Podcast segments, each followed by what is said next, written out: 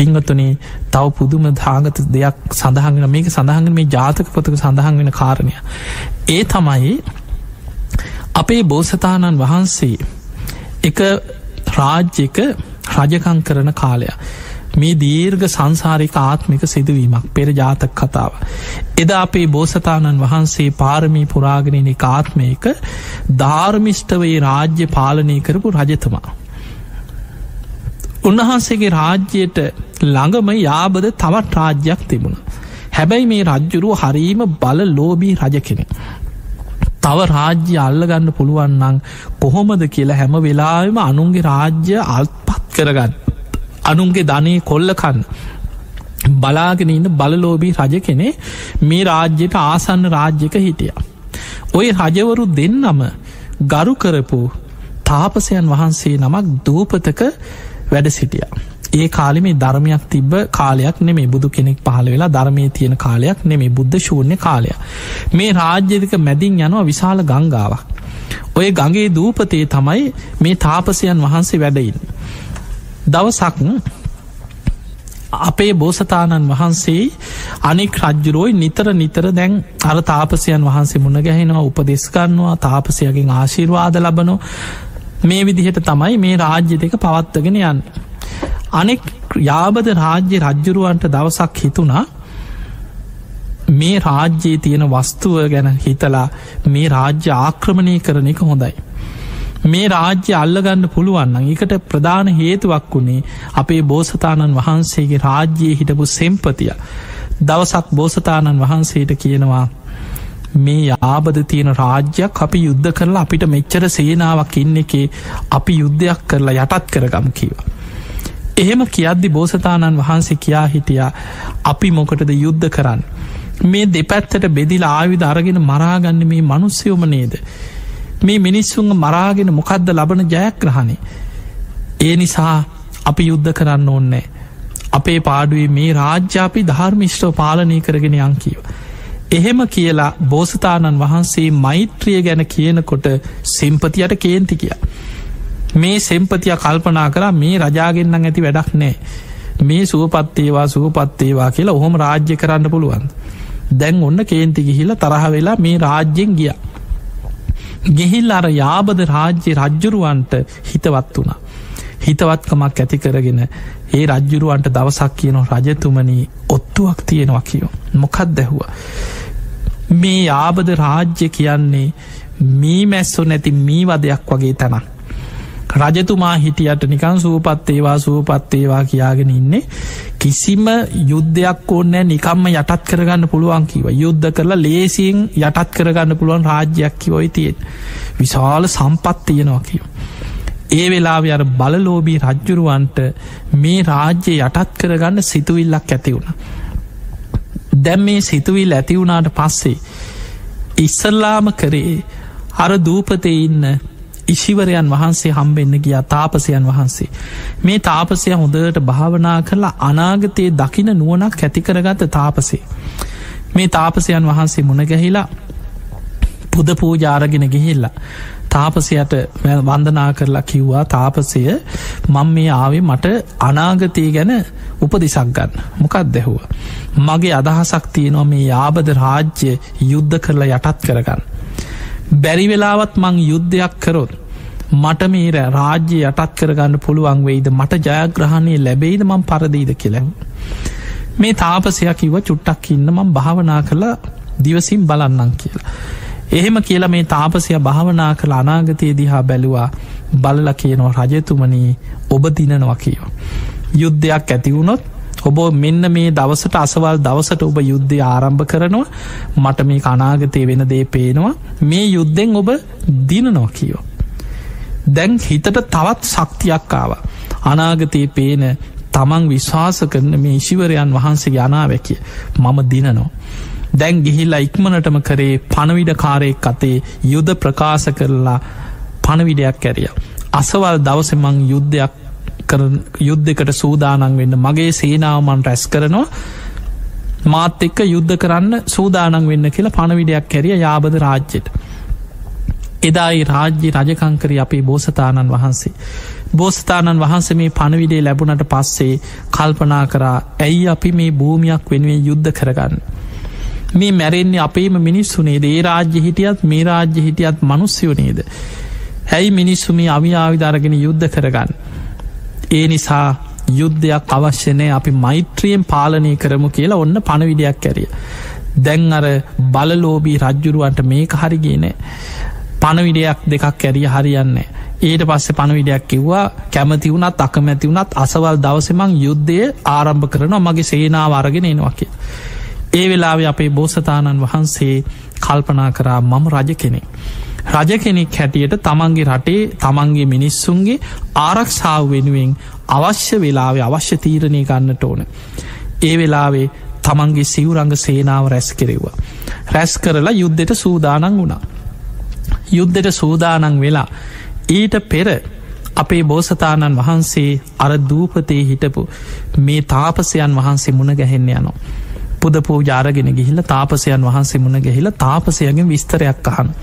කියනවා තාපසයන් වහන්ස මේ යාබද රාජ්‍ය රජතුමා මගේ වුවමනාවක් නෙමේ ඒ රජ්ජුරුවන්ගේ වුවමනාවට අසවල් දවසේ මේ රාජ්‍ය දෙකාතර යුද්ධයක් සිද්ධ වෙන. ඒ රජ්ජුරුව යුද ප්‍රකාශ කරලා තියෙනවා.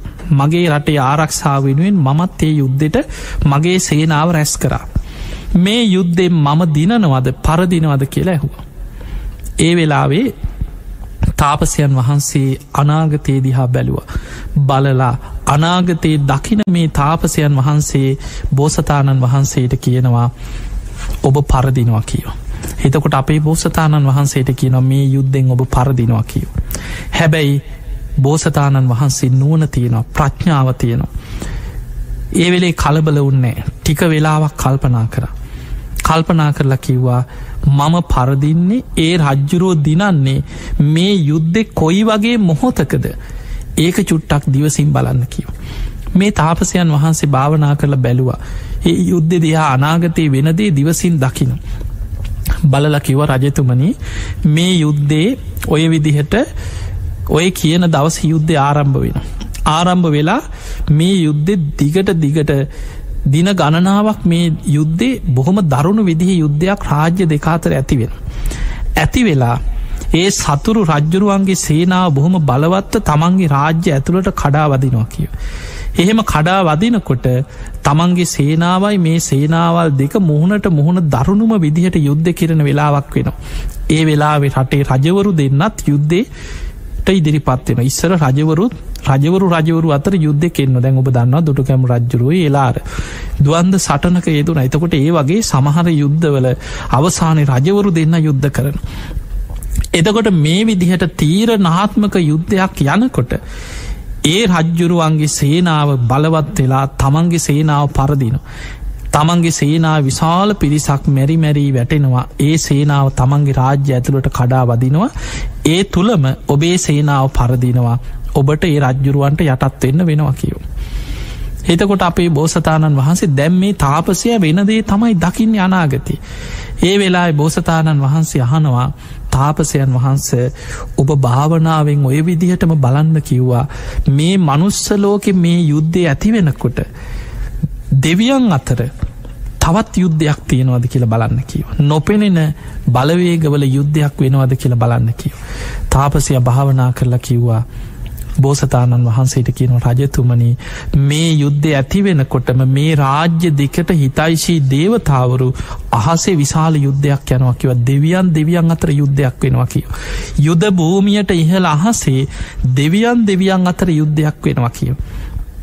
අන්නේ යුද්ධෙදී. ඔබේ ඉෂ්ට දේවතාවා සුදු උෂභයෙක් වගේ වෙස්වලාගෙන තමයිකෙන අහසේ සටන් කරන්න. අනික් රජ්ජුරුවන්ගේ ඉෂ්ට දේවතාවක් කලූෂභයෙක් වගේ වෙස් වලාගෙන අහසේ සටන් කරනු. මේ දෙවියන් දෙවියන් අතර යුද්ධෙදී ඒ කලූෂභයගේ අතින් සුදූෂභය අහසේ පරදින තැනක් කෙනවා. මේ දෙන්න යුද්ධ කරගන්නකොට මේ උෂභයෝ දෙන්න හැටියට මේ ඉෂ්ට දේවතාවරු දෙන්න අහසේ සටන් කරන. ඒ අතර කලූෂභය බලවත් වෙලා සුදූෂභයට පහර දෙනවා ඒ පහරදීල සුදූෂභය අහසේ පරදිනකොටම ඔබේ සේනාව මනුස්සලෝකෙ පරදිනවා කියව. ඒ වෙලා බෝසතාණන් වහන්සේ නුවනින් මේක වටහා ගත්තා. වටහාගෙන අහනවා ඒ කලූෂභයා ඒ පහර දෙන වෙලාවෙදි මේ දෙවියන් දෙවියන් අතර මේ සටන කාටවත් මනුස්සලෝක කෙනෙ දකිනවද කියලැහුව. ඒ වෙලාවෙ තාපසය භාවනා කරලා කිව්වා අවසාන මොහොතේ අහස දිහා බැලුවොත් දෙන්නෙකුට පේනවා කියෝ. රජවරු දෙන්නට පේනවා ඒ රජ්ජුරුවන්ගේ ප්‍රධාන සෙම්පතිවරු දෙන්නට දකින්න පුළුවන් කියව. එහෙම කියනකොටම අපේ බෝසතාණන් වහන්සේ ඒ මොහොතෙම කිව්වා මම දිනනවා මම දිනනවා කියව. එහෙම කියලා නැකිටල ගියා. ගිහිල්ලා දැම් බලන්න වෙන්න තියෙන දේ තමයි මේ තාපසයක් කිව්වේ බොරුවක් කිව්ව නෙමේ වෙන්න තියෙන නියමිතදේ කිව්වා යුද්ධෙදි ඔබ පරදිනවා කියල බෝසතාණන් වහන්සේට කිව දෙවවරු දෙවරු දෙන්නගේ යුද්ධේ තමන් දකිනදේ වෙන්න තියෙන දේ කිව්වා. අපේ බෝසතාණන් වහන්සේදා ගිහිල්ලා.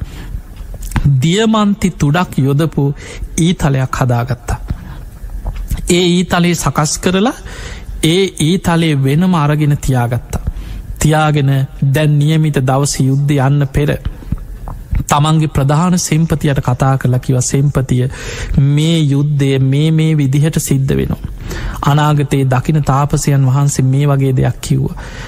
යුද්ධ තීරණාත්මක මොහොතේ අපේ සේනාවයි ඒ සේනාවයි මුහුණට මුහුණ සටන් කරගෙන රජවරු දෙන්න අතර තීරණාත්මක සටන යන වෙලාවේ ඔබ අහස දිහා බලන්න. මටත් ඒ මොහොතෙමං අහස දිහා බලන්න. ඒ අතරේ ඔබ දැක්කොත් දෙවියන් දෙවියන් අහසේ සටන් කරනවා. උෂභයෝ දෙන්නෙක් අහසේ වෙස්වලාගෙන සටන් කරනවා ඒ මොහොතේ මට කියන්න කිව. අපේ බෝසතාණන් වහන්සේ අර දියමන්ති තුඩක් යොදපු මේ ඊ තලේ. වෙනම අරගෙන තියාගෙන මේ යුද්ධෙ දැන් තීරණාත්මක සටන යන. අවසාන මොහොතේ තමන්ගේ සේනාව පැරදීගෙන එනකොට බෝසතාණන් වහන්සේ අහස දෙහා බැලු. බලනකොට පේනවා අහසේ දෙවිවරු දෙවරු විශාල යුද්ධයක් අහස යුද්ධය. ඒ අතර අර සතුරු පැත්තේ පිරිස අතර විශාල කලු උෂභයකුයි තමන්ගේ ප්‍රදේශයේ සුදු උෂභයකුයි දෙන්නෙක් උෂභයෝ දෙන්නෙක් අහසි සටන් කරනවා පේනවා. ඒ මොහොතේ දියමන්ති තුඩ යුදපු ඊතලේ අරගෙන කලූෂභයට ඉලක්ක කරලා විද්දා. එහෙම විදිනකොටම සුදූෂභය පැරදීගෙනාවත් කලූෂභයට අර දියමන්ති තුඩ යුතුපු ඊතලෙන් විදිනවා සමගම ඒ උෂභය හේම ඇදගෙන වැටුණා. සුදූෂභය බලවත් වෙලා කලූෂභයට පහර දෙනු. ඒ මොහොතෙම අර පැරදීගෙනාපු සතුරු සේනාව බලවත් වෙලා සම්පූර්ණිම තමන්ට ජයග්‍රහණය ලැබෙන. අනෙක් රජ්ජුරුවන්ගේ සේනාව පැරදිලා යුද්ධ දිනනවා. එතකොට මෙන්න මේකෙන් සඳහන් වෙනවා අපිට නොපෙනෙන පැත්ත මේ පරදින්න තිබ්බ යුද්ධයක් අන්තිම මොහොත දිනපු හැටි. එතකොට බලන්න අපිට පේනවා මනුස්ස ලෝක මිනිස්සු මිනිස්සු කෝලහල කරගන්නකොට. ඒ හා බැඳි චාමනුස්ස බලවේග තියෙනු. ඒ ඒ අයට හිතයිශී යක්ෂයෝ ඒ ඒ අයට හිතයිශී අමනුස්යෝ ඒ අයගේ ඥාති ප්‍රේතයෝ ඉන්නවා ඒ අයට හිතවත් සමහල්ලාවට ඒ ප්‍රදේශ ඒ පලාත් ඒවා ඇසුරු කරගත්ත දේවතාව රුක්ෂ දේවතාවරු කෙලෙස් සහිත දෙවරුඉන්න. එතකොට මේ මේ අයත් මේ අපිට නොපෙනෙන පැත්තෙම් මේ ගැටුම් ඇතිවෙනවා.